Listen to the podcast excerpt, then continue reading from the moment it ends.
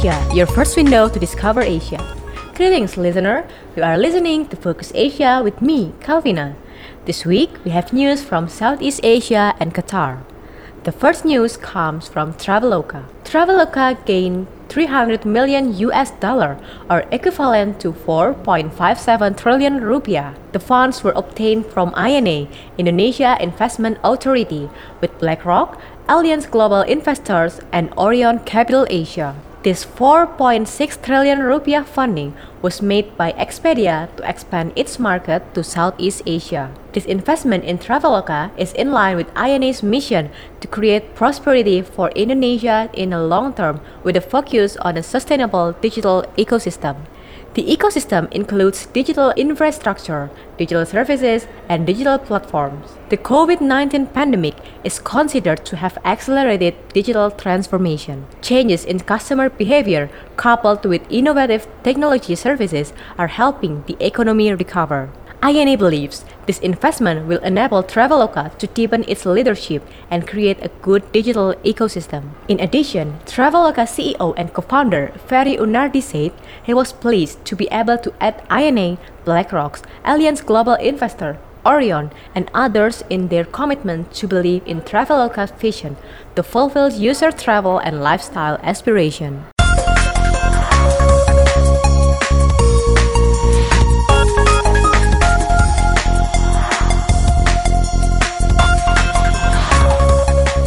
On to the next news coming from Qatar.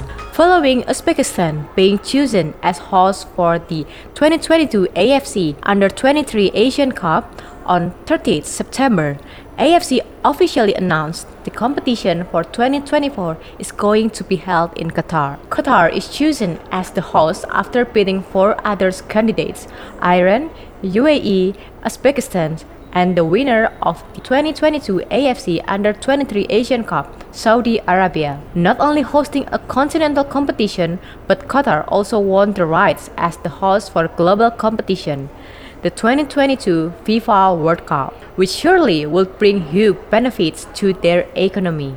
After considering the current COVID 19 situation in Asia, AFC has decided that there will be no COVID prevention protocol for the competition starting from 2023. In addition, Indonesia is absent from this competition after losing to Australia in the 2022 qualification by 2 to 4 in aggregate. The 2024 qualification match will start on 4th September 2023. Winning, runner up, and the country in third position in this competition will be eligible to participate in the 2024 Summer Olympics in France. Meanwhile, the fourth position will be decided through a playoff match for qualification.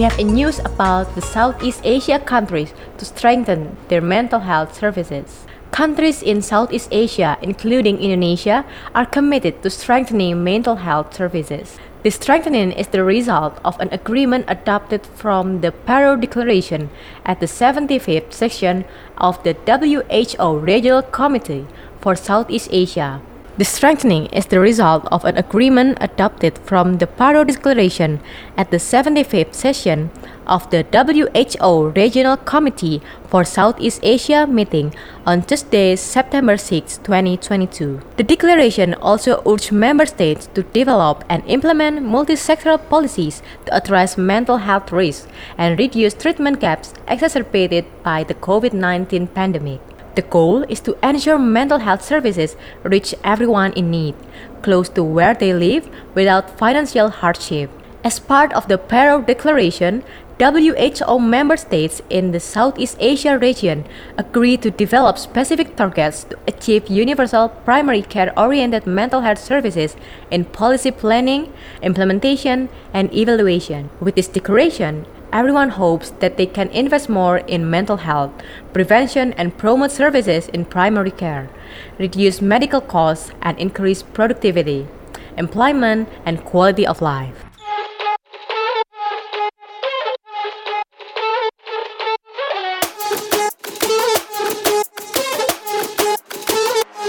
Let's go!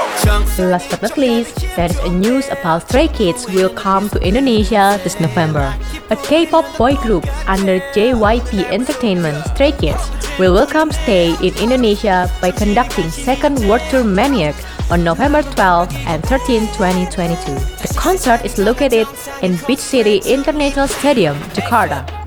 This news is already confirmed by Mecimapro as the promoter on their official Instagram account. Indonesia is the first country to be visited by Stray Kids in their Maniac World Tour. After having a tour in Indonesia, Stray Kids will continue the tour in Singapore, Melbourne, Sydney, Atlanta, and Fort Worth. Stray Kids is an eight-member K-pop boy group under JYP Entertainment who debuted in 2018 with a mini album I Am Not. Until 2022, they had won various awards like Golden Disc Award Album Division with NOEASY, Mnet Asian Music Award for Worldwide Fans Choice, and many more. Stray Kids has 22.9 million of followers on Instagram and over 6 million of monthly listeners on Spotify.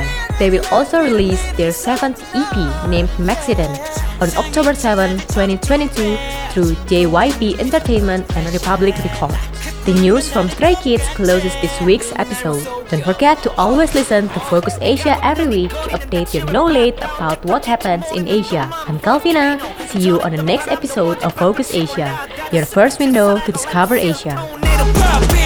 순진하게만 보다가 그게 닥침 계속 빼면 걸린 줄 아는 이러니